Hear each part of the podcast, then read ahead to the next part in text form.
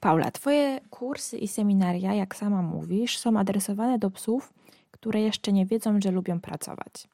Możemy więc przyjąć, że wszystkie problemy na poziomie współpracy z właścicielem wynikają z braków u przewodnika i z każdego psa można zrobić zaangażowanego i zmotywowanego partnera?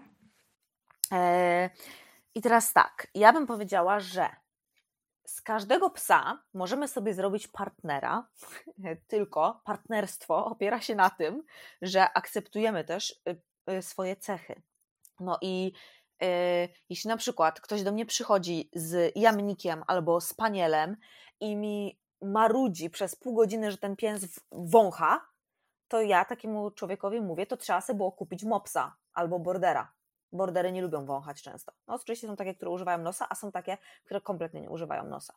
Jak mi przychodzi z, nie wiem, e, owczarkiem jakimś, który szczeka co chwilę i jęczy, to mu mówię, to trzeba sobie było kota kupić, to by się nie odzywał.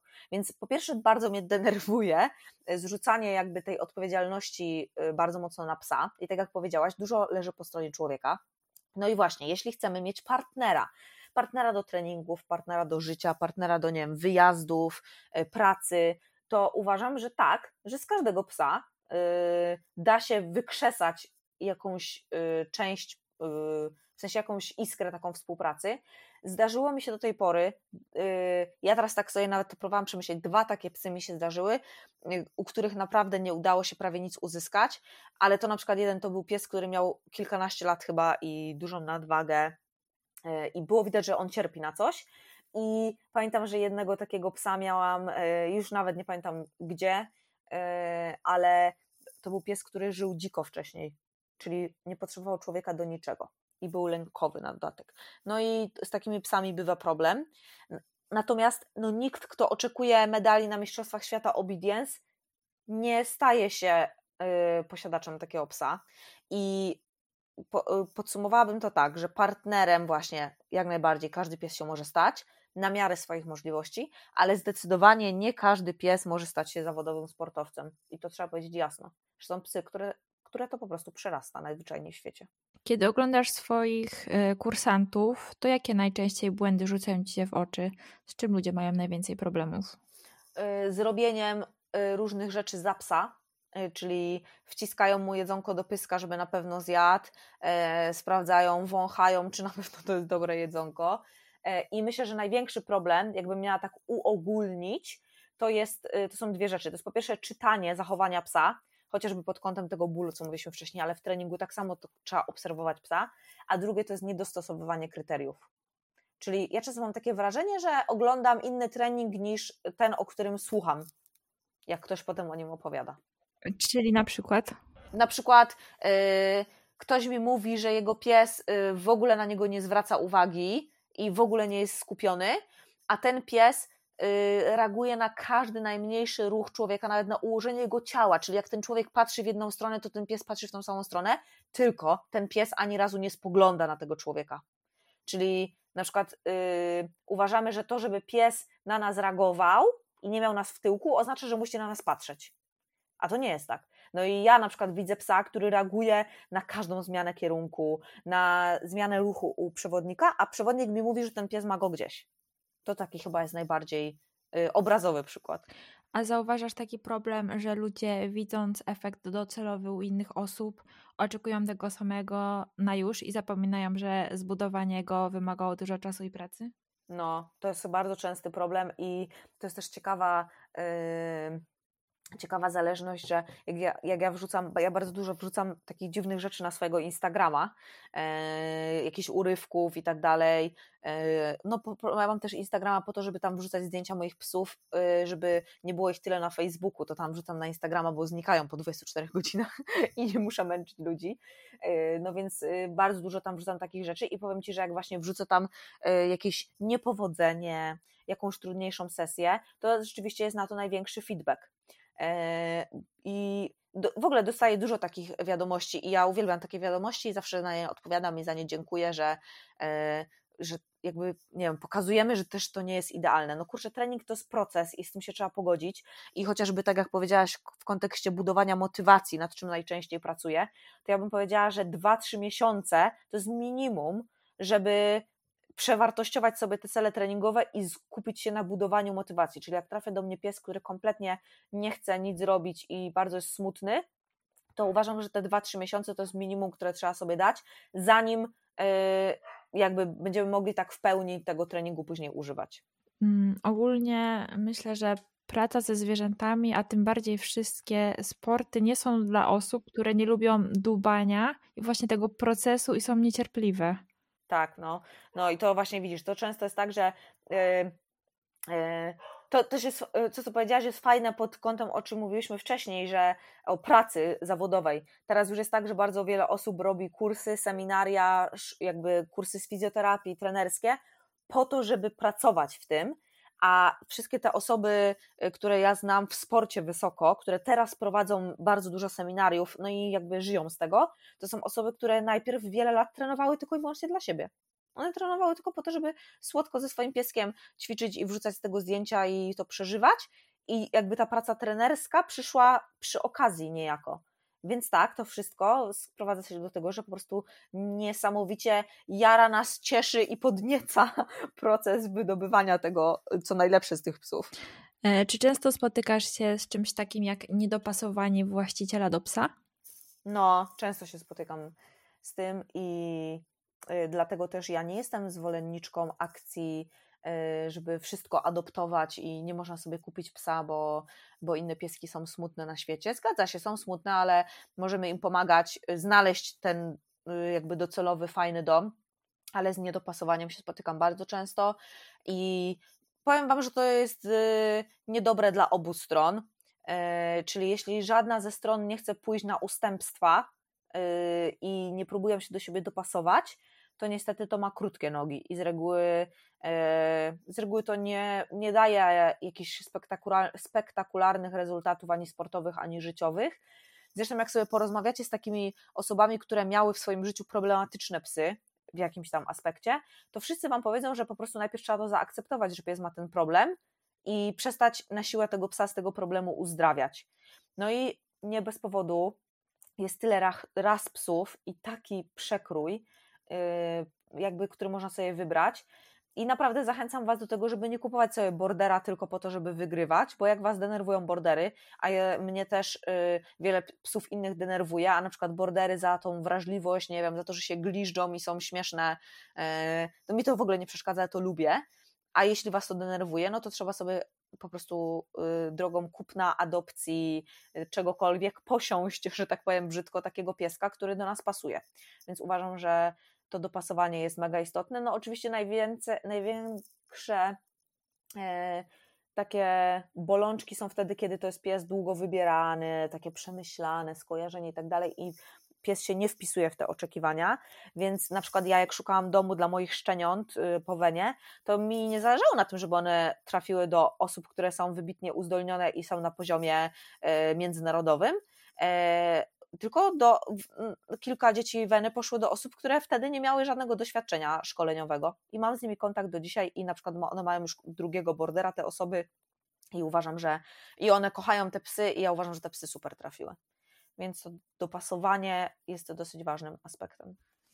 A jeśli chodzi o oczekiwania wobec psa, czy spotkało Cię to, że mierzyłaś za wysoko i musiałaś trochę wyhamować z tymi oczekiwaniami? Albo wpadłaś w pułapkę, że przestałaś się cieszyć treningami? No, myślę, że każdego z nas to spotkało i też yy, mnie to spotyka w dwie strony. Albo właśnie, że za dużo, oczekiwa za duże oczekiwania. Tutaj chyba najbardziej to w stosunku do Rawki. Musiałam sobie cały czas przypominać, że, bo ona już była dorosła, więc mi się wydawało, że już coś tam powinna ogarnąć, no a, nie, a sobie myślałam, no dobra, ale gdybym ją kupiła jako szczeniaka, to miałaby na przykład dopiero 6 miesięcy, no to od 6-miesięcznego szczeniaka bym tyle nie wymagała, no a że ona już była dorosła, no to było trochę inaczej, więc myślę, że u niej miałam najwięcej takich mm, oczekiwań wygórowanych, e, i ja mam znowu, znowu tą samą odpowiedź, ja po prostu wtedy to weryfikuję z innymi osobami. Tak jak Wam mówiłam, że lubię chodzić do innych ludzi na trening. Jak, jak naprawdę wpadam w taką pułapkę, to ja po prostu biorę psa i jadę na trening. I to czasem 300 km, 400. Na przykład y, umawiam się do Warszawy na trening do kogoś. Mówię, ej, to tam nie wiem, albo jak jestem w Warszawie, albo też jak nie jestem, jadę specjalnie na trening i wracam. E, po prostu potrzebuję takiego spojrzenia z boku i to myślę, że to bardzo pomaga. No i ja też dlatego lubię zawody, bo zawody bardzo weryfikują naszą pracę taką w zaciszu domowym. Co z oczekiwaniami wobec siebie? Czułaś w jakimś momencie presję, że z kolejnym psem musisz coś udowodnić? Yy, właśnie w powiedziałabym, że bardziej w kontekście psa, co jest dziwne, miałam tak, yy, dlatego też powiedziałam, mówiłam Wam już wcześniej, że gdyby bułka była na miejscu Hondy, to byłaby bardzo biedna, dlatego że Honda tak miała, bo yy, Wena była utytułowanym psem i na frisbee sobie pięknie radziła i, i wszyscy by chcieli, żeby tak ich psy skakały i miała taką łapalność i w ogóle. I miałam takie rzeczywiście oczekiwania. I przed pierwszym freestylem Hondy, przed pierwszym jej startem w życiu, chciałam się wycofać, e, bo wtedy był straszny e, deszcz, woda stała pod namiotami, do, po prostu my się taplaliśmy w błocie na tych zawodach i ja sobie wmawiałam cały czas, że ja bym chciała ją wycofać z tych zawodów, jednak nie startować, bo, bo takie są warunki trudne, ona jest taka początkująca, no i tak sobie wmawiałam, wmawiałam, no ale wystartowałam i e, na tych zawodach w Openach ona nic nie zajęła, ale wygrała freeze batelkę wtedy pamiętam, czyli miała drugi najwyżej oceniony freestyle, a później wygrała to. I jak wygrała ten puchar, to wtedy do mnie dotarło, że ja wcale się nie bałam o to, czy ona sobie poradzi, e, tylko bałam się o to, że źle wypadnie i ludzie będą mówić, że po mojej wenie taki niefajny piesek i tak brzydko wypadł. I dopiero jak ona zdobyła ten puchar, czyli dobrze wypadła, to wtedy do mnie dotarło, że to w sumie chodziło o to. No ale to jest głupie ale chyba myślę, że każdego to spotkało. Teraz już y, trochę się z tego wyleczyłam. Y, wiem, że nigdy raczej nie zostanę mistrzem świata, bo jestem na to zbyt leniwa y, i nie mam takiej, nie mam takiej, takiego parcia do samodoskonalenia, y, ale mam zamiar trenować i startować w zawodach jeszcze wiele lat. Ale no, pamiętam, że właśnie to z Hondą to chyba był naj, najbardziej taki, taki moment, co zapamiętałam. Na Twojej stronie można też przeczytać, że jesteś mało odporna na niepowodzenia treningowe. Co to znaczy? Tak, jestem bardzo mało odporna, dlatego że ja nie lubię robić tego, co mi nie wychodzi. I może to jest odpowiedź, dlaczego innych sportów nie ćwiczę, bo znalazłam te, które chociaż trochę mi wychodzą i sobie, i sobie y, je ćwiczę. Y, to jakby to też właśnie nawiązuje do tego, że ja się w jakimś momencie pogodziłam z tym, że taka czołówka światowa, europejska to nie jest, nie jest dla mnie. E, nie wiem nawet z czego to wynika. Myślę, że takim punktem zwrotnym była ta choroba Hondy, o której rozmawiałyśmy, e, jej problem z kręgosłupem, bo wtedy mocno mi się to przewartościowało. No i właśnie ja mam tak, że kurde, jak chodzę na, na te treningi, tam ćwiczę, ćwiczę i mi nie wychodzi i cały czas coś mi nie idzie, albo jadę na zawody i mi nie idzie, to później trenuję tą drugą dyscyplinę. Czyli jak mi nie idzie w agility, to później rzucam agility na chwilę i trenuję frisbee, a potem mi we frisbee nie idzie, to, to więcej jeżdżę na agility. Dlatego te dwie dyscypliny to jest bardzo zdrowe dla mojej e, głowy. E, I mam też duży problem z podnoszeniem kryteriów, czyli albo je podnoszę na treningach tak, że potem sama się biję po rękach, e, że byłam tak nie fair w stosunku do psów, albo po prostu cackam się z tymi psami i wtedy też muszę do kogoś jechać na trening i to z bułką tak było, że pojechałam na obóz i dziewczyny mi powiedziały, że ej, ale ten pies już nie ma problemu z motywacją i ona cały czas chce ćwiczyć, więc weź zrób coś z tym psem. A ja mówię, a no rzeczywiście, no. Czyli też to, że nie potrafię tak mocno podkręcać tej śrubki później, regularnie, też myślę, że właśnie powoduje, jest spowodowane tym, że ja się boję tego, że mi nie wyjdzie ten trening. Ja z tym walczę, ale najlepiej mi się podnosi kryteria, jak właśnie regularnie z kimś trenuję ktoś mnie zmusza do tego, żeby podnosić te kryteria. Dlaczego tak lubisz pracę z miską? Motywację można budować na wiele sposobów, więc skąd u Ciebie się wzięła ta metoda? E, wzięła się głównie z tego, że yy, te psy, które przychodzą na zajęcia z motywacji, to są też psy, dla których jedzenie również już nie jest nagrodą. Yy, I tu znowu takim przełomowym psem u którego gdzieś mi się, znaczy na, na etapie którego, bo to nie był ten jeden pies, ale wtedy miałam taki etap, że zaczęłam mocno o tym myśleć, y, to do dzisiaj mam kontakt z y, przewodniczką y, tej suczki, to była harciczka włoska, która przyszła do mnie na treningi agility z założenia i Alicja przyszła na te treningi i powiedziała, że jej pies nie je, nie bawi się i boi się innych psów, jak szczekną i ona by chciała trenować agility. Oj. No właśnie, oj, bo na agility psy szczekają i muszą dostawać nagrodę, albo jedzenie, albo zabawkę. No i e, rzeczywiście udało nam się e, e, doprowadzić tą suczkę do tego, że jeździła po Polsce na seminaria i trenowała na różnych torach i tak dalej, bawiła się później na tych seminariach, było ogrom pracy, ale właśnie takie psy dają najwięcej do myślenia, dlatego że u tego pieska było tak, że za to, że ona zjadła z ręki jedzenie, musiała zostać nagrodzona w jakiś sposób bo jedzenie z ręki było dla niej takim samym kryterium, albo nawet trudniejszym, jak na przykład, nie wiem, zrobienie siat, albo tam obrót. Obrót jej było łatwiej zrobić niż zjeść jedzenie z ręki.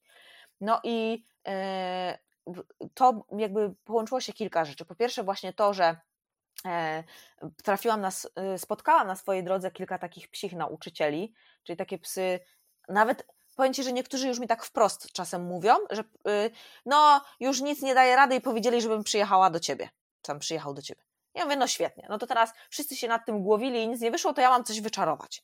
E, I czasem jest tak, że się nie daje. I na przykład się okazuje, że właśnie, nie wiem, temu psu coś tam dolega i tak dalej. No ale dobra, to inny temat. No i jakby ileś takich psów stanęło na mojej drodze. Ja już teraz głównie pracuję z psami, które mają problemy z motywacją. Poza tym zaczęłam yy, troszeczkę też szukać sobie. Wtedy byłam na kilku takich seminariach z innych sportów. E, chwilę wcześniej też właśnie ćwiczyłam obedience, gdzie znowu jest dużo odłożonej nagrody. E, e, byłam też na seminarium Iżiego, który pracuje metodami Nepopo, ale używa też skrzynki motywacyjnej. Ja już wcześniej też pracowałam z klikerem, z kształtowaniem, więc to mi się gdzieś tam w ogóle wszystko zaczęło kleić w kontekście oferowania przez psy różnych rzeczy. I też jak kliker wchodził do Polski dawno temu, to była bardzo duża moda na kształtowanie, na oferowanie. Później odeszliśmy bardzo mocno od tego kształtowania i oferowania, bo nie umieliśmy kształtowania robić i oferowania z psami. A to był też taki moment, kiedy trochę to oferowanie zaczęło wracać do sportu. No i mi się jakoś tak to wszystko skleiło. Zaczęłam bardzo dużo tej michy używać z różnymi psami, też na agility, w takim kontekście, że one na końcu toru biegły do tej miski, żeby nie były tak wklejone w człowieka. No i jakoś tak zrobił mi się z tego taki system pracy, że teraz yy, z psami, które mają bardzo duże problemy z motywacją, właśnie od tych ćwiczeń z Michą zaczynam, to później ewoluuje w bardzo wiele innych ćwiczeń, również takich z odłożoną nagrodą. Gdzieś tam się to yy, skleja yy, w całość. Y, niektórzy na brak motywacji zalecają ograniczenie jedzenia albo zabawek, palenie miski.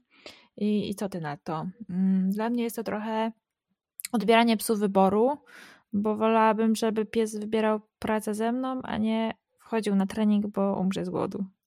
Tak, i teraz znowu jest pytanie, yy, o jakim psie mówimy, bo jeśli na przykład jest to pies, który jest gruby, to yy, znaczy już, że żyje ponad yy, potrzeby, czyli dostaje więcej jedzenia niż jego organizm potrzebuje, i to jest ogromny wróg motywacji. Jeśli pies ma stały dostęp do jedzenia, ja kiedyś robiłam taką sondę społeczną i wypytywałam wszystkich, y, ja jeździłam na seminaria, na zawody, albo jak z jakimś trenerem rozmawiałam, to wypytywałam, czy y, znają psa, który jest wyszkolony i ma stały dostęp do miski z jedzeniem y, i jest wyszkolony tak porządnie w różnych warunkach, no to nie ma takiego psa. Czyli w jakiś sposób ten dostęp do jedzenia musi być limitowany, ale nie odbierany E, I jeśli mówimy tutaj o takim całkowitym paleniu miski, czyli e, pies je tylko z ręki, to mi się zdarzyło to stosować tylko jako rozwiązanie czasowe e, u psów, które właśnie wcześniej żyły ponad potrzeby. Czyli wiesz, nagle się komuś zachciało trenować, a wcześniej jego pies zawsze miał do wszystkiego dostęp, co chciał. Urawki czystego palenia miski nie stosowałam, ale nie ukrywam, że reszta psów mi mocno pomogła, bo ona miała problem z motywacją na jedzenie. Do tego stopnia, że nasypywałam jej karmę i ona po prostu jej nie chciała jeść i, i tyle. A jak jej lepszą dałam, jakąś rybną, pamiętam, to spojrzała z obrzydzeniem i poszła w drugą stronę. Tylko, że wtedy reszta psów jej zjadła to jedzenie. No i teraz ja nie musiałam jej palić miski, e, natomiast myślę, że jakby jednak ograniczenie jakieś tam dostępu e, wjechało, ale e, zawsze te elementy ograniczenia dostępu do czegoś traktuję jako takie, czy to takie całkowite, że tylko je z ręki, traktuję tylko tymczasowo i bardzo rzadko to stosuję. Czyli w ostatnim roku y, nie zaleciłam żadnemu psu całkowitego spalenia miski. Y, na żadnym seminarium, na niczym. Y, nie, nie uważam, żeby to było aż tak istotne. I mm, jakby jeśli pies y, ma zaspokojone potrzeby, to tak jak mówisz, sztuką jest mieć psa, który jest zadowolony, y, wybiegany, dostał tego dnia y, rano jedzenie z miski albo wieczorem, jak trening jest rano, a i tak chce i lubi z tobą pracować. Czyli ja nie sprowadzam też tej pracy i budowania motywacji tylko do takich narzędziowych rzeczy, że Y, muszę odebrać psu coś, żeby on chciał ze mną za to coś y, pracować.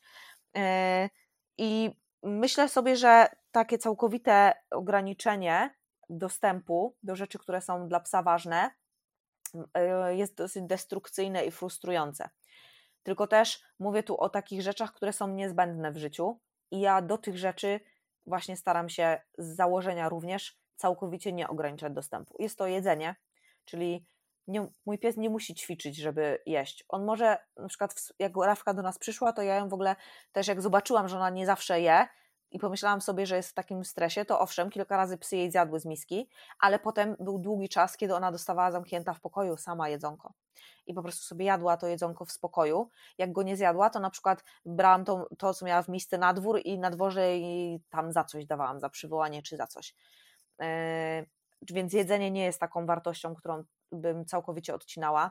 Tak samo e, ja jako nagrody używam dostępu do środowiska często, że pies może powąchać, może posikać, może ma wolne, może sobie iść eksplorować, ale nie, za, nie zabieram psu całkowicie eksplorowania, żeby on pracował, albo wąchania, żeby on pracował. Nie. Ja właśnie sobie trochę myślę, że fajnie jest mieć takiego fajnego psa i tak fajnie z nim sobie żyć, że on ma jedzenie z miski, ma spacery luzem, ma zabawki w domu, a jak my coś weźmiemy i chcemy, albo po prostu zaoferujemy mu pracę, to on i tak chce. No to jest kurde takie super. I też tego staram się troszeczkę uczyć, że często sposób, w jaki dajemy psu nagrodę, determinuje, czy ona jest atrakcyjna, czy nie, a nie to, czy pies nigdy wcześniej tej nagrody nie widział. U mnie w domu też są zabawki y, naokoło wszędzie, nawet teraz jak się rozglądam, to widzę zabawki na ziemi i żaden mój pies nie ma problemu z motywacją na zabawkę. Żaden z tych, które mamy w domu. Więc nie sądzę, żeby taka silna deprywacja y, była potrzebna. Zresztą znowu wracam do tego, że wszystko zależy od naszych priorytetów. Ja nie po to mam psy, żeby im wszystko odbierać. Ja po prostu lubię je, lubię z nimi siedzieć w łóżku i teraz jak z Wami rozmawiam, to oczywiście y, księżniczka Bułka Bułkowska jest przytulona do mnie i nie, nie uważam teraz, żebym musiała ją od siebie odciąć, żeby ona jutro y, ze mną zrobiła trening, a ja teraz będę musiała ją trzymać w klatce. No nie, nie sądzę, żeby to miało ręce i nogi, natomiast też nie neguję, yy, dlatego że każdy z nas ma jakieś inne cele i przyświecają mu inne wartości i jeśli na przykład mówimy o psach służbowych, to w ogóle wygląda zupełnie inaczej. E, natomiast no też pytanie, czy chcecie mieć psa, który ślepo zdobywa jedzenie. E, nawet ostatnio właśnie jak oglądałam wykład o motywacji, to było tam powiedziane, że w trybie tego zdobywania jedzenia pies aż tak nie przyswaja i nie wyciąga takiej ilości wniosków, jak je, jak przeżuwa, jak zdobywa jedzenie. No więc pytanie, czy o to nam chodzi? Mi nie do końca. E, czy często spotykasz się z innymi takimi szkodliwymi e, radami? Z innymi szkodliwymi radami. Mm, myślę, że jakby ta, e, głównie te rady chyba jednak dotyczą właśnie takiej silnej deprywacji i tu w różnym kontekście, czyli właśnie odcinania różnych rzeczy, ale też dla mnie to, co jakby takie, jakie są szkodliwe rady, ale to znowu jest kwestia y, trochę punktu siedzenia, punkt widzenia zależy od punktu siedzenia, dlatego że y, ja nie uważam, mimo że nie jestem behawiorystą y, i otwarcie o tym mówię i ja też mówię, jak ktoś do mnie przychodzi, że okej, okay, ja się, oczywiście, że behawior jest nieodłącznym elementem mojej pracy, natomiast ja jestem głównie trenerem i droga do uspokojenia i wyciszenia pobudliwych psów. Czyli są dwie główne szkoły. Jedna ogłasza, że trzeba zaspokoić wszystkie potrzeby psa, dać mu się wyżyć na treningu, bawić się z nim zabawkami, żeby mógł skanalizować tą energię tam, gdzie jest to potrzebne. A jest też taki moduł pracy, gdzie odcinamy psa od wszelkich pobudzeń, na przykład na miesiąc albo na 6 tygodni, żeby obniżył mu się poziom kortyzolu i żeby się wyciszył. I ja nie jestem zwolenniczką tej teorii i uważam, że przy dużej części psów y, nie zdaje to rezultatów i jest dla nich szkodliwe. A są jeszcze jakieś rzeczy, które denerwują cię w psim świecie? E, tak, skrajności. E, na przykład to, że y, maksymalnie y, toczymy taką narrację maksymalnego dbania o komfort piesków. One muszą mieć komfort, wybór, y, pozytywną, zwrotną informację. Nawet jak im powiemy, że robią coś źle, to potem muszą wiedzieć, co robią dobrze. I w tym samym momencie na przykład objeżdżamy i wyśmiewamy innych trenerów na Facebooku. Ja tego nie mogę pojąć. Takie sytuacje mają miejsce wiele razy, e, czyli jakby osoby zdeklarowane jako całkowicie używające tylko pozytywnego wzmocnienia w pracy e, z psami, e, albo tylko metody pozytywnych wzmocnień, tam już możemy sobie też gdybać o nazewnictwie, jednocześnie straszliwie traktujący siebie nawzajem. To jest dla mnie zjawisko, które powinno zostać zbadane przez jakąś mądrą osobę zajmującą się psychologią, bo aż jest po prostu to paradoks. E, I to mnie strasznie ciśnie. E, I ja w ogóle w takich dyskusjach y, staram się nie uczestniczyć. E, na, nawet jak gdzieś tam, nie wiem, zostaje oznaczona, wyświetla mi się to, czytam sobie to często. Ja jestem trochę takim ukrytym podczytywaczem różnych rzeczy, lubię sobie oglądać. E, natomiast yy, bardzo mnie to boli. No i to jeszcze właśnie wiesz, w takim kontekście, że te pieski to muszą mieć taki komfort, nie możemy ich na zawody, nie możemy ich na przykład w klatce trzymać. Oczywiście teraz yy, wyolbrzymiam, a z drugiej strony kto, komuś się noga powinęła, a to dojedźmy mu, a to mu walnijmy jakiś yy, okropny komentarz i dosrajmy. No to jest strasznie słabe i to chyba mnie najbardziej ciśnie w ostatnich latach. E, drugie, co mnie najstrasznie uciska, to jest ciągłe narzekanie na psa. Ja naprawdę jestem zdania, że jak ktoś ciągle narzeka na swojego psa, to niech lepiej go odda albo sprzeda, bo to nie jest dobre dla żadnej ze stron i po prostu ciągłe niezadowolenie i ten pies naprawdę to czuje. E, I no nie da się psa oszukać. No kurde, jak idziesz z nim na trening i udajesz, że jesteś z niego zadowolona, a cię wkurza każdym swoim e, oddechem, to to jest bardzo smutne. E, I bardzo też mnie to smuci, bo to się z reguły wiąże z bardzo dużym napięciem takim psychicznym u tego psa i to są po prostu no, takie dosyć smutne dla mnie przeżycia. I jest jeszcze jedna taka rzecz, która się wiąże z pierwszą, a mianowicie maksymalne zrzucanie odpowiedzialności na kogoś. I to pewnie jak będą nas słuchać jacyś trenerzy, to sobie na pewno spotkaliście się z taką sytuacją, tylko że niestety niektórzy y, trenerzy, niektórzy z nas to podłapują. No bo przychodzi do nas klient i mówi, że on był już u tego i u tego i tu ćwiczył i y, ten mu powiedział to, a ten mu powiedział to i to nic nie działa i to wszystko jest bzdura. Wtedy wchodzimy my, cali na biało i mówimy, ja ci sprzedam jedyną prawdę o twoim psie i tak dalej. No i się zaczyna piękna przeprawa i potem yy, na zasadzie wszyscy inni zepsuli, a ja wyciągnąłem tego psa. To, jest, to mnie też bardzo smuci, dlatego że uwierzcie mi, że kiedyś każdy z nas, z Was, znajdzie się w tej sytuacji, że to Wy będziecie tą osobą, od której ktoś odszedł i szukał drogi u kogoś innego. Nie da się dogadać ze wszystkimi. Na dodatek ludzie bardzo często też jak nie ma takiego połączenia między trenerem a yy, kursantem, klientem, to my coś mówimy, a ktoś to opatrznie zrozumie. I ja już ile razy się spotkałam z tym, że ktoś przyjeżdża i mówi, bo ten mi tak powiedział, a ja potem robię tak, że ja piszę do tej osoby i pytam, czy to prawda, że coś takiego powiedziałeś? Bo to się w ogóle jakby nie klei z tym, yy, z czym ja na przykład kojarzę tą osobę. No i się okazało, że to było zupełnie co innego, zostało przeinaczone. I mogę Ci powiedzieć, że mi się dwa razy też zdarzyła taka sytuacja, że do mnie napisały dziewczyny, że ktoś tam gdzieś napisał, że ja coś powiedziałam, albo że ktoś przyszedł na trening i powiedział, że ja tak powiedziałam i jestem strasznie wdzięczna za takie, dwa razy mi się to zdarzyło, w, chyba ostatni rok czy dwa i jestem strasznie wdzięczna za takie drążenie i ja staram się robić to samo e, i nawet ostatnio też pod jakąś tam postem zabrałam głos, bo było e, właśnie taki najazd, że ktoś tam poszedł e, gdzieś tam i mu powiedzieli i ja zapytałam autorkę tego posta, czy ona zweryfikowała tą informację u tych pierwszych trenerów, skoro ich zna. No i nie uzyskałam na to jednoznacznej odpowiedzi. I to mnie strasznie boli. I te, te, osoby, które są takimi zrzucaczami odpowiedzialności, to może być albo trener, albo to może być właściciel psa, bo właściciele również zrzucają odpowiedzialność. I ja wtedy mówię, że sorry, ale ostatecznie to właściciel, opiekun jest trenerem swojego psa. My uczymy człowieka, jak ma pracować ze swoim psem, ale ja nie jestem z tym kimś 24 godziny na dobę, więc yy, owszem, jak ja coś skopię, to biorę za odpowiedzialność, albo jak na przykład pracuję z kimś, kto jest w innej dyscyplinie sportu i proponuje jakąś metodę, a ktoś mówi, wiesz co, no nie do końca mi się to klei, bo coś tam, coś tam będzie mi przeszkadzać. Ja mówię, no to nie, no to nie, to nie musimy używać. Super, że mi mówisz, to użyjmy innej metody na przykład do tego. E, I można naprawdę się dogadać, a ten brak takiej komunikacji i to takie szukanie winnego, no to jest, to jest bardzo ludzkie, ale bardzo mnie to denerwuje. Bardzo. Trafiłaś w czuły punkt. Hmm.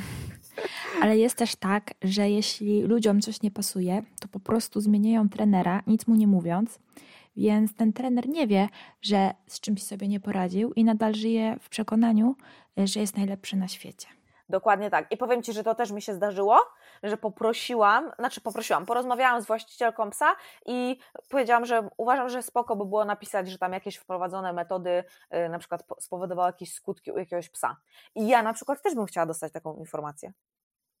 No, więc to jest właśnie, właśnie, właśnie do, tego, do, do, do tego dążę. Więc super też, że to powiedziałaś.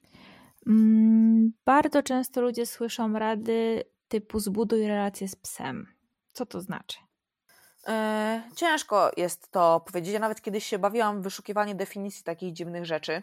I ciężko jest to ubrać w słowa, dlatego że jak sobie wypisałam różne rzeczy, to potem sobie pomyślałam, że każdy może to sobie y, powiedzieć tak, no to ja to mam, tak, to ja to mam, a to nie oznacza jakby y, tak do końca tej dobrej relacji, ale to, co sobie gdzieś tam wynotowałam, to tak, po pierwsze, to, że się nawzajem czujemy bezpiecznie w swoim towarzystwie, czyli ja czuję się bezpiecznie ze swoim psem i pies czuje się bezpiecznie ze mną, czyli znowu to działa w dwie strony, nie tylko w jedną, że piesek musi przy mnie się czuć dobrze, ja też się muszę czuć dobrze przy swoim psie, również w dyskomforcie. Czyli na przykład dla mnie takim momentem, kiedy pies, psu jest bardzo źle, albo go coś boli, albo jesteśmy w trudnym miejscu i on szuka informacji u człowieka, albo lgnie do mnie, albo po prostu uspokaja się, jak ja go dotknę, to to jest naprawdę już taki moment, że mówię, a no właśnie, chyba się już trochę znamy. I na przykład bułka ma straszną traumę, jakbym nawet teraz wzięła do ręki obcinacz do paznokci, taki zwykły dla ludzi, i ten odgłos obcinacza do paznokci, to ona ucieka y, pod łóżko. Dlatego, że jak była bardzo malutka i jeszcze się nie znałyśmy, to ja jej takim obcinaczem chciałam obciąć pazurki i zapędziłam ją wtedy właśnie pod kanapę i próbowałam ją kusić mięsem, żeby jej obciąć te pazurki. Nic to nie dało i ona ma 4 lata i jak usłyszy odgłos tego obcinacza, to ucieka, a co ciekawe, nie ma żadnego problemu z obcinaniem pazurków. Czyli po prostu jak, ją, jak sobie stoi, ja wezmę jej łapkę i obcinam pazurki, to ona patrzy na mnie, bo jest jej niewygodnie, ale nie ma z tym problemu, ja jej mogę wszystko zrobić, a tak jej się wdrukowało ten odgłos tego obcinacza z dzieciństwa. I to jest właśnie moment, w którym nie miałyśmy jeszcze relacji, zbudowanej, a ja próbowałam bardzo mocno przekroczyć jej y, taką strefę komfortu. Drugie, co sobie zapisałam, to jest takie zgranie, że nawet jak trening, albo spacer, albo życie nie idzie idealnie, czyli coś poszło nie halo, to jak jesteśmy naprawdę z tym psem fajnie zgrani, to potrafimy automatycznie wymyśleć kilka y, wyjść z danej sytuacji. Czyli mamy taki warsztat narzędzi, taki warsztat doświadczeń z tym psem, że nawet jak coś poszło nie halo, to bardzo szybko odzyskujemy komfort. Czyli nie wiem, e, mój pies wyjechał y, z jazgotem na jakiegoś innego psa e, i ja po prostu 5 minut później mogę y, dojść do tego, że y, panuje względny spokój i ja jestem względnie spokojna i wiem, dlaczego to się stało i co zrobić, żeby to się nie stało i tak dalej, i tak dalej. Więc to bym też powiedziała. E, myślę, że też bardzo duża znajomość siebie nawzajem czyli rozpoznawanie na przykład, kiedy pies y, się dobrze czuje, kiedy źle, kiedy ma dobry humor, kiedy zły. I tak samo pies rozpoznaje nas. E, rozpoznawanie, kiedy możemy wymagać więcej i podkręcić śrubeczkę, a kiedy na przykład powinniśmy odpuścić i dać psu spokój i wsparcie. Tu na przykład mnie bardzo dużo nauczyła Wena, bo ona miała silną reakcję na strzały i ja bardzo dużo się nauczyłam yy, wtedy odnośnie różnicy między właśnie wymaganiem, odwrażliwianiem, a tym, że po prostu pies ma się czuć przy nas bezpiecznie. E, I trochę też takie, taką patetyczną rzecz sobie zapisałam, że takie poświęcanie się trochę dla siebie nawzajem. Czyli na przykład czasem y, ja mam zły humor i po prostu nie mam ochoty, żeby na przykład, nie wiem, pies poszedł w jakąś stronę i mówię mu nie, nie mogę tam iść, bo mi się nie chce, bo jest, mam, nie wiem, skarpetki i będę mieć mokre, jak wejdę na trawę. A pies mówi, o no dobra, gumińska, to następnym razem sobie powącham ten zapach.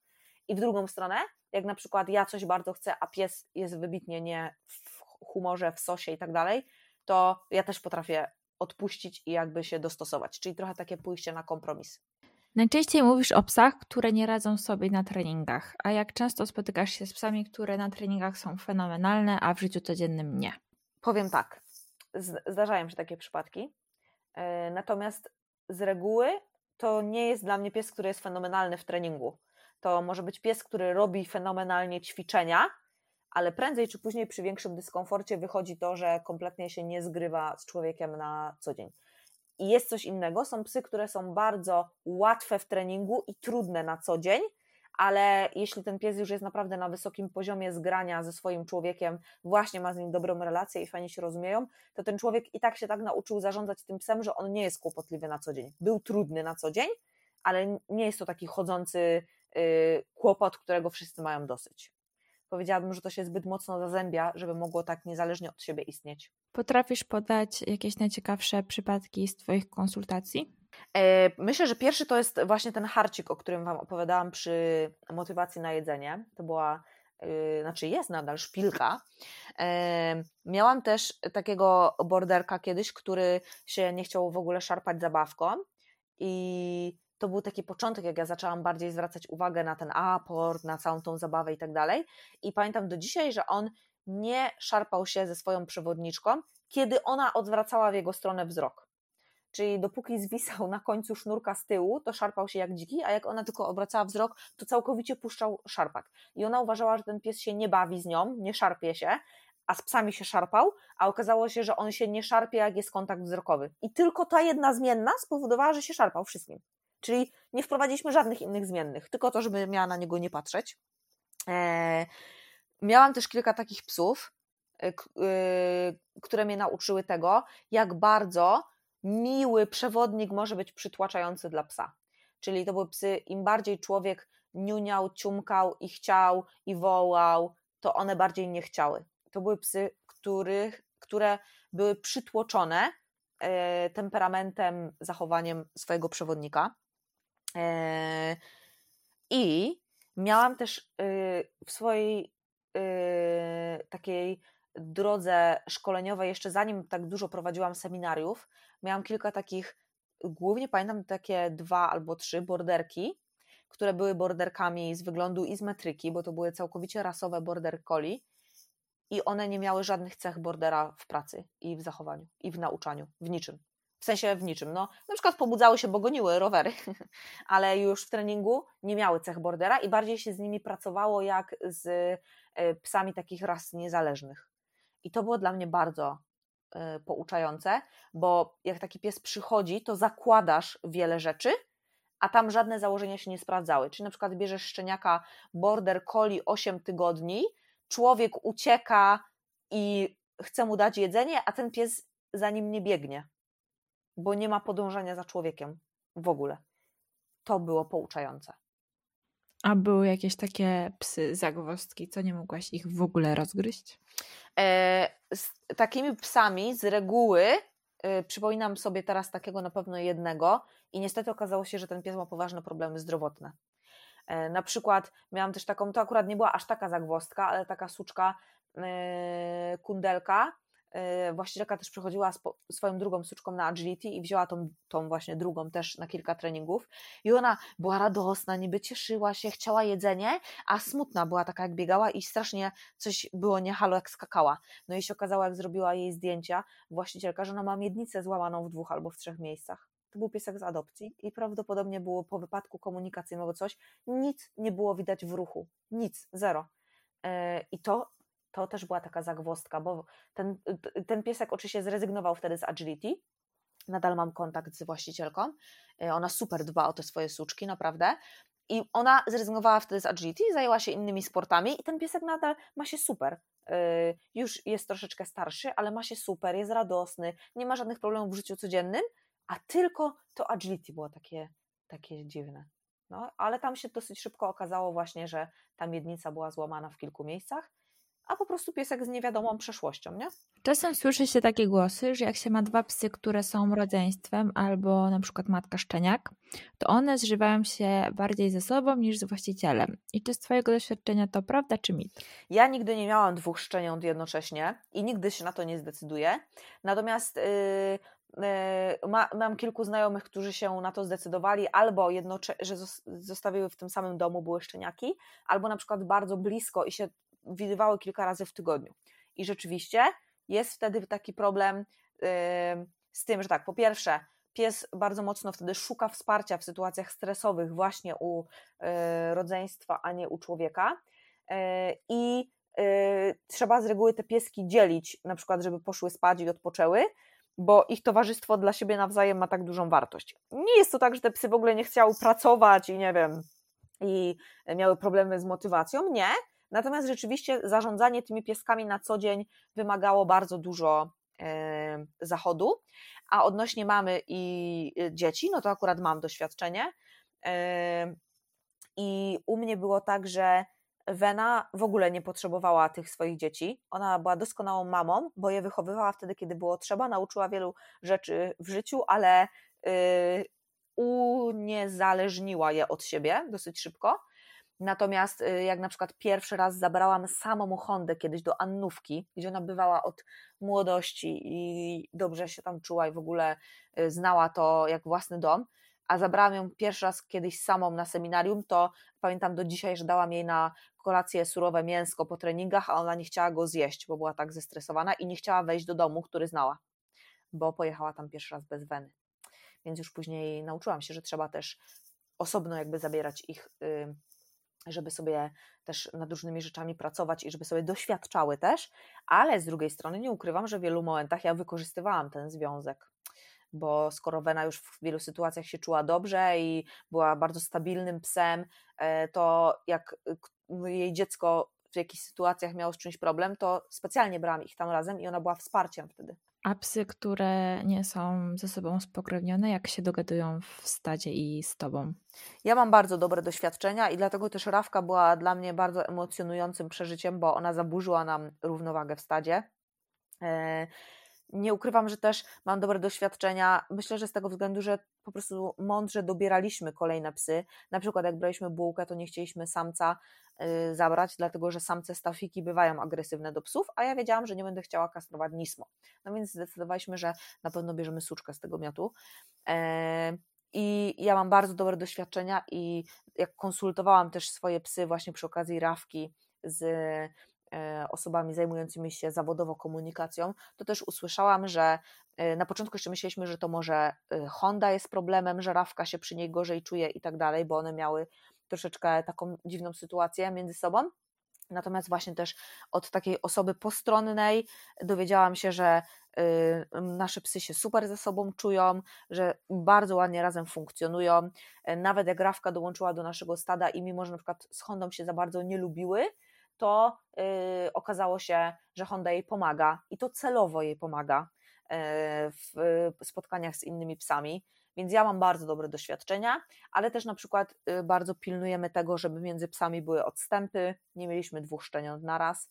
Bardzo dbamy o to, żeby psy miały też taki komfort, czyli na przykład jak chcą mieć święty spokój, to mamy zawsze w domu jedną klatkę gdzieś, że mogą sobie do tej klatki pójść. Mają kilka legowisk, więc po prostu też myślę, że składa się to, że po pierwsze my to dbamy, a po drugie mamy naprawdę fajne, takie zrównoważone psy, które się dogadują z większością piesków i e, mam pozytywne doświadczenia z życiem takim, w takim statku. A nie odczuwasz czasem, że one są bardziej zżyte ze sobą niż z tobą? To jest chyba trochę tak jak z tą deprywacją zabawek i jedzenia. Nie uważam, żeby to, że one są zżyte ze sobą, mi w czymkolwiek przeszkadzało. Mhm. Myślę, że to jest dla nich y, bardzo fajne, że są zżyte ze sobą i ja mogłabym godzinami opowiadać o ich relacjach. Ja wiem, które się najbardziej ze sobą lubią. E, na przykład też, co ciekawe, jak Wena odeszła, to, Nismo, to Wena odeszła już ponad dwa lata temu i od tamtego czasu Nismo już nigdy nie był tak spokojnym psem, jak Wena jeszcze była z nami. Po prostu jego świat się wtedy zburzył i od tego czasu jest dużo bardziej niespokojny w różnych sytuacjach. Dużo jego takich problemów, znaczy problemów, takich cech śmiesznych, emocjonalnych się nasiliło, e, więc no, ona była po prostu, on robił to, co ona i jak jej nie ma, to on nagle stracił y, informację, co należy robić w życiu. E, więc e, naprawdę uważam, że to, że mają ze sobą relacje jest super i właśnie nie mam takiego poczucia, to trochę jak się mówi też o związkach, nie? że to nie jest trochę tak, że musisz dzielić każdą minutę doby ze sobą, żeby się dobrze dogadywać. To ja też z moimi psami tak uważam, że to, że mają siebie nawzajem nie, nie wpływa źle na to, że nie lubią mnie. Czyli Nismo, pomimo że już dwa lata minęły, to on nadal ma problemy z odnalezieniem się? Tak, on ma. Y, no myślę, że to jest po prostu kwestia tego, że on właśnie był mocno zależny od Weny, wychował się z nią i jakby mimo, że zabrakło tylko jej, a cała reszta jest nadal, to, y, to on po prostu na przykład w domu jest, był kiedyś dużo spokojniejszy w domu, a teraz wieloma rzeczami się tam pobudza, przychodzi sobie gadać, siada przed nami i sobie śpiewa piosenki. No on jest śmieszny w tych swoich zachowaniach, ale jakby nie ma, wiesz, nie ma takiej E, takiej stabilizacji. Brałaś też udział w klasach komunikacji. Czego się dowiedziałaś o swoich psach? Tak, brałam udział właśnie głównie ze względu na Rawkę, e, bo z nią e, konsultowaliśmy właśnie, jakby jak ona dołączyła do naszego stada. I właśnie to, co się dowiedziałam, to po pierwsze to, że na, nasze psy są bardzo fajnie zgrane i to była dla mnie cenna informacja, E, taka, nie ukrywam też, że taka trochę, wiesz, taka budująca, tak połechtała mnie trochę ta informacja, że wszystkie nasze psy się dobrze dogadują i że z nami się czują dobrze, bo ja wysyłałam bardzo dużo filmików z takich codziennych sytuacji, one, wiesz, na przykład wszystkie jedzą w jednym pomieszczeniu, e, e, jak gryzaki dostają, to właśnie rawkę głównie oddzielam, a tak to nie ma problemu i sobie jakoś tam fajnie egzystujemy, więc tego się dowiedziałam. Bardzo dużo dowiedziałam się o bułce wtedy, E, to był też taki moment e, pół roku po odejściu właśnie Weny e, i Bułka miała wtedy mm, dwa, dwa tak, to było 2020, no to ona miała już skończone dwa lata, czyli wchodziła w taki okres już dorosłości i dowiedziałam się, że bułka jest dużo silniejsza niż nam się wydaje, że jest wcale nie jest taką pimpusią malutką i to była prawda, bo ona jest suką wredną, tylko umie udawać malutką pimpusię, żeby sobie przypodobać pieski do siebie. E, dowiedzieliśmy się też, że po odejściu Weny prawdopodobnie ona przejmuje funkcję głowy stada. Tu nawet nie chodzi tam o teorię dominacji i tak dalej, tylko wiesz, zawsze jest tak, że jest jakiś taki pies, którego wszyscy szanują i i on nie musi z reguły nic zrobić, żeby go szanowali. No i u nas w domu to po prostu Wena była panią profesor i mam dużo takich filmów, gdzie się psy nawalają, a ona na przykład siada i, i robi takie i patrzy na nich. I spokój, i wszyscy idą spać po prostu. I koniec. Ona nawet nie musiała warczyć na nich. Ja nie pamiętam, czy ona na nich warczała. Po prostu panował spokój w domu. No i właśnie myśleliśmy, nie wiedzieliśmy, kto przejmie tą rolę bo Hondzia jest dużo starsza, a okazało się, że to pani profesor Bułka postanowiła przejąć rolę głowy naszego stada e, i dowiedziałam się też, że właśnie jest trochę manipulantką. To było dla mnie e, ciekawe odkrycie. Właśnie Paulina mi powiedziała, że Bułka specjalnie robi zachowania przypisane szczeniakom po to, żeby psy ją łatwiej zaakceptowały.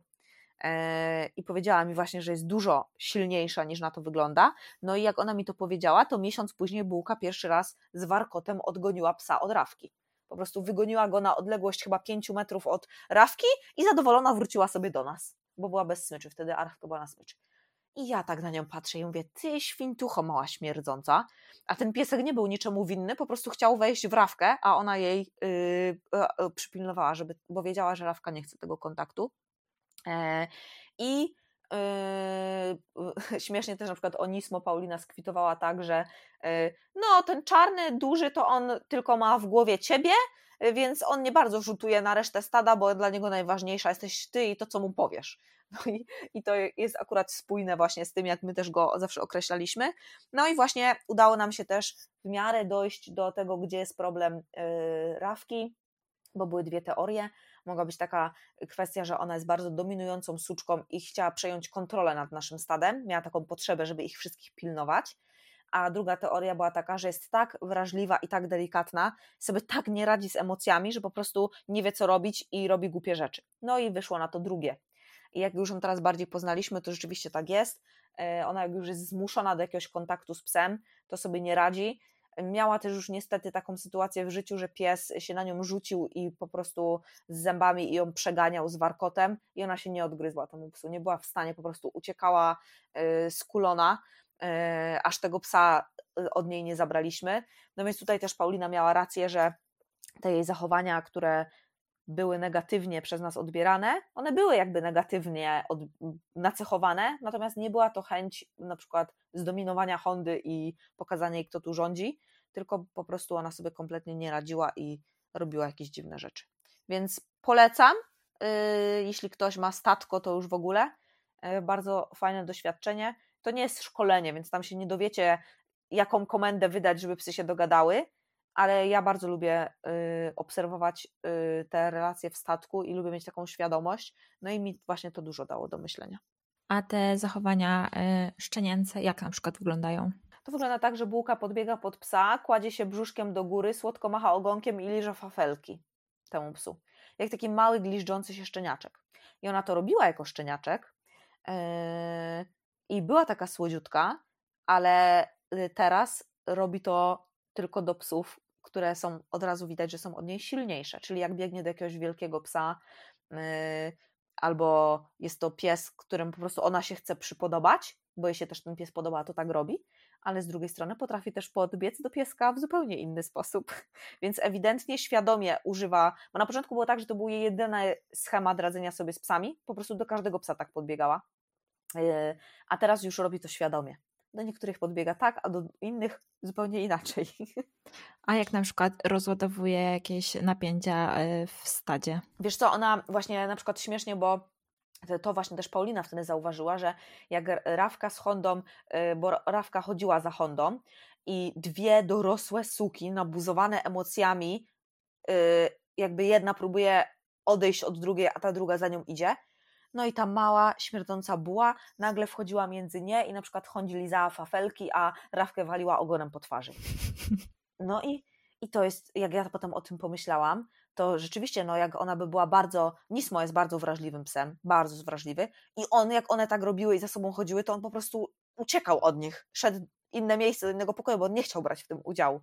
A ta mała pimpusia właziła między dwie sadzące się na siebie dorosłe suki. No i tak właśnie też próbuje często rozładowywać, ale ona jest manipulantką, powiem Ci naprawdę, bo już doszło do takich, e, ona też jest bardzo inteligentna e, i potrafi na przykład zrobić coś takiego, że jak ja siedzę z jakimś psem, to ona na przykład y, podchodzi i sobie zaczepia tego psa, niby tak, że chce się z nim bawić, a to mu łapką po twarzy. To jest albo nasz pies, albo na przykład y, też obce, w sensie znajome psy, ale nie nasze w domu, jak sobie gdzieś jesteśmy razem w pokoju i sobie siedzimy gdzieś w gościach, albo na przykład y, idzie na, y, czochra się na wykładzinę i kłapie sobie w ogon, no i wtedy ten pies, który by, był przy mnie schodzi, a bułka wtedy nie kontynuuje zabawy, tylko od razu wskakuje i się układa do spania na tym miejscu przy mnie. I robi to naprawdę powtarzalnie. Y, nawet zrobiła raz tak, że odprowadziła jedną suczkę do jej właścicielki, bo sobie siedzieliśmy i ta suczka była ze mną, a bułka była z tą y, drugą właścicielką. No i bułka chciała wrócić do mnie na łóżko, a ta suczka leżała przy mnie, a ona się jej bała. To poszła bułka do tamtej właścicielki, do niej się zaczęła cieszyć, no więc ta suczka była zazdrosna, zeszła, poszła do swojej właścicielki, a bułka wtedy szybko przemknęła pod stołem do mnie na kanapę i poszła spać. Ostatnie pytanie. Jakie masz plany na ten rok? Na ten rok mam bardzo sprecyzowane plany, dlatego że e, dwa, dwa lata temu półtora roku temu dowiedziałam się też, że Bułcia ma e, problem z oczami i na razie może cały czas ćwiczyć i nic jej nie dolega. Natomiast i dostała właśnie zgodę na kolejny sezon sportowy, więc na ten rok mamy takie plany, że Bułka będzie znowu w ognistej kondycji i planuję z nią bardzo dużo startować i trenować. Nawet jestem z siebie dumna, ponieważ asertywnie dałam sobie mniej seminariów i mniej dalszych, takich bardzo dalekich wyjazdów, głównie po to, żeby na maksa wykorzystać sezon y, z bułką. Mam zamiar ćwiczyć, biegać, rzucać frisbee i startować w zawodach, więc to jest mój plan. E, mam też taki y, y, plan, żeby e, trochę usystematyzować swoje życie zawodowe pod tym kątem, żeby jednak chyba zestarzałam się, wiesz, po trzydziestce e, i dojrzałam do pewnych rzeczy, bo ja miałam takie 10 lat bardzo yy, ciężkie. W takim, w takim szczytowym momencie pracowałam na etat w szkole, studiowałam dziennie i miałam już swoją firmę, yy, gdzie prowadziłam seminaria, treningi po południu i tak dalej. Nie polecam takiego trybu życia i y, chyba już właśnie się zestarzałam i y, podchodzę trochę mądrzej do planowania swojego czasu. I też niestety znowu y, na bazie niemiłych doświadczeń w kontekście takim, że na przykład uważam, że nie wykorzystałam ostatnich dwóch lat z Weną, to teraz sobie tak myślę, że już mam starsze pieski, to ja już teraz muszę dużo z nimi być w domku i je głaskać i chodzić z nimi na spacery i na treningi. I jestem bardzo dumna z tego planu, bo wiele mnie kosztuje, dlatego że nie potrafię odmawiać ludziom I wiele mnie kosztowało y, rozpisanie planu na ten rok, żeby był y, tak mało angażujący, a i tak nie jest angażujący, no ale jednak. E, I jaki jeszcze mam e, plan, to taki, tak już prywatnie, w sensie w kontekście właśnie moich psów, to właśnie powiedziałam sobie, że nie będę przekładać dobra obcych piesków nad ich dobro. Nie wiem jeszcze, jak mi to wyjdzie, ale ten plan dotyczy y, na przykład właśnie ograniczenia dalszych wyjazdów e, albo odmawiania zrobienia treningu czy dołożenia 10 psów na konsultację w tygodniu y, na rzecz tego, żeby z nimi robić to, co chcę, czyli spacery, niezbędne wizyty weterynaryjne i tak dalej. No i poza tym mam plan, żeby ten rok był trochę lepszy Y, pod kątem takich trudnych, y, prywatnych wydarzeń, żeby jednak był lepszy i było mniej takich trudnych wydarzeń niż w zeszłym roku. Chyba tyle. Super. Bardzo dziękuję za rozmowę. Ja również bardzo dziękuję za y, inspirujące do przemyśleń pytania.